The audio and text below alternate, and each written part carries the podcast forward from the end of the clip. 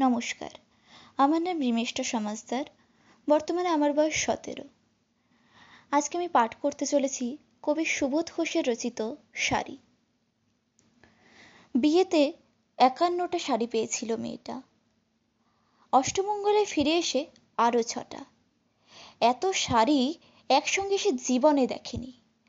আলমারির প্রথম থাকে সে রাখল সব নীল শাড়িদের। হালকা নীল একটাকে সে জড়িয়ে ধরে বলল তুই আমার আকাশ। দ্বিতীয় থাকে, রাখল সব গোলাপিদের। একটা গোলাপিকে জড়িয়ে ধরে সে বলল, তোর নাম অভিমান। তৃতীয় থাকে, তিনটি ময়ূর যেন তিন দিক থেকে ছুটে আসা সুখ। তেজপাতা রঙের যে শাড়িটার, তার নাম দিল বিষাদ। সারা বছর সে শুধু শাড়ি উপহার পেল। এত শাড়ি সে কি করে এক জীবনে পরবে? কিন্তু বছর যেতে না যেতেই ঘটে গেল সে ঘটনা।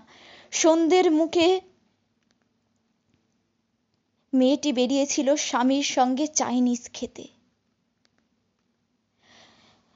কাপড়ে মুখে বাঁধা তিনটি ছেলে এসে দাঁড়াল স্বামীর। স্বামীর তল পেটে ঢুকে গেল বারো ইঞ্চি, ওপর থেকে নিচে, নিচের থেকে নেমে ডান দিকে যাকে বলে এল। পড়ে রইল খাবার।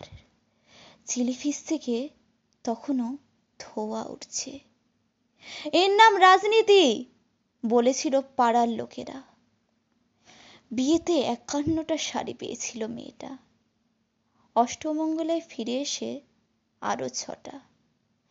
একদিন দুপুরে শাশুড়ি ঘুমিয়ে সমস্ত শাড়ি বের করে ছতলার বারিন্দা থেকে উড়িয়ে দিল নিচের পৃথিবীতে। শাশুড়ি পরিয়ে দিয়েছিল তাকে সাদা থান। উনিশ বছরে একটা মেয়ে, সে একা। কিন্তু সেই থানও এক ঝটকায় খুলে নিল তিনজন। পাড়ার মোড়ে একটি সদ্য নগ্ন বিধবা মেয়ে দৌড়াচ্ছে আর চিৎকার করে বলছে, বাঁচাও বাঁচাও বাঁচাও! পেছনে তিনজন, সে কি উল্লাস, নির্বাক পাড়ার লোকেরা। বিয়েতে একান্নটা শাড়ি পেয়েছিল মেয়েটা। অষ্টমঙ্গলায় ফিরে এসে আরও ছটা। ধন্যবাদ।